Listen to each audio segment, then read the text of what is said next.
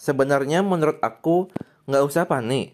Karena meskipun status kamu adalah seorang fresh graduate atau lulusan baru, kamu masih bisa terlihat perform di depan HRD. Kalau kamu nggak punya pengalaman kerja, kamu bisa menunjukkan kepada HRD bahwa kamu itu memiliki pengalaman organisasi, pengalaman freelance, ataupun pengalaman proyek yang sudah kamu kerjakan selama sebulan.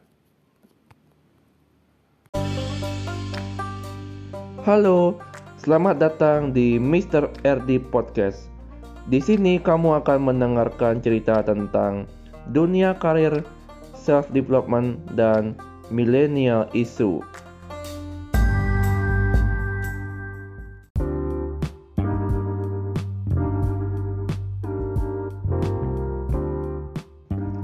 Mr. RD Podcast Season 1 Your question I answer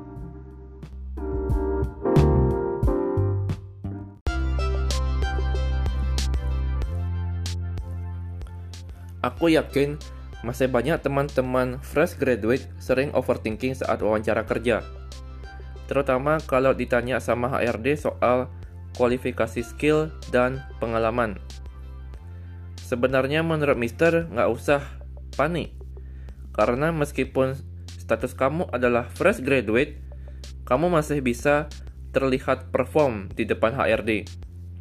Nah, melalui podcast ini, Mister sudah siapin tiga pertanyaan penting HRD yang sering ditanyakan saat wawancara kerja. Khususnya ini buat fresh graduate. Itu pertanyaan pertama adalah bisakah ceritakan tentang pengalaman kamu? Yang kedua, kamu lulusan jurusan, jurusan A ya?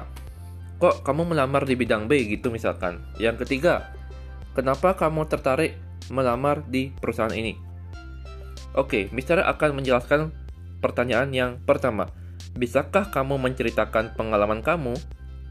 Oke, sebenarnya sering banget fresh graduate ini ditanyain soal pengalaman, padahal masih fresh graduate.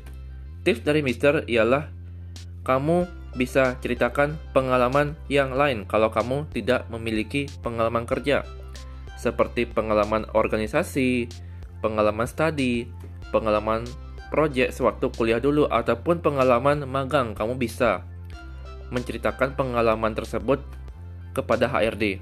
Yang kedua adalah pertanyaan, kamu lulusan A ya, kok melamar di posisi B? Begitu misalnya. Nah, kalau pertanyaan ini memang agak sedikit menguji kamu. Tips dari Mister ialah kamu harus bisa menunjukkan sisi ketertarikan mengapa kamu tertarik melamar di posisi tersebut. Misalnya, karena memang kamu suka sama bidang tersebut dan meskipun kamu kuliah di jurusan A, tapi kamu terus improve skill kamu di bidang karir yang kamu lamar. Begitulah tips dari Mister. Kamu harus menunjukkan sisi ketertarikan mengapa kamu melamar di posisi tersebut. Meskipun kamu itu kuliah di jurusan lain, tapi kamu tuh harus bisa menunjukkan bahwa kamu itu sedang ataupun sudah berusaha meningkatkan skill kamu di bidang tersebut yang kamu lamar. Dan pertanyaan terakhir yang ketiga ialah mengapa kamu tertarik melamar di perusahaan ini?